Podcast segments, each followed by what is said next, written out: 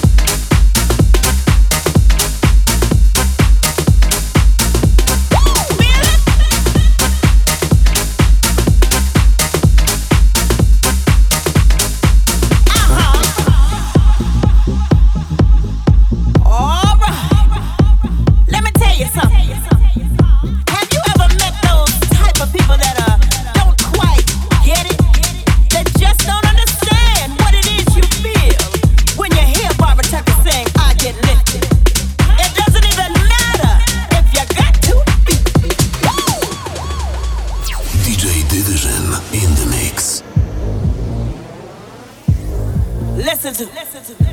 You know, I want to ask you something. Have you ever wondered why it is we love this music? I want to tell you a little story. See, all about me and my friends when we're going to the club.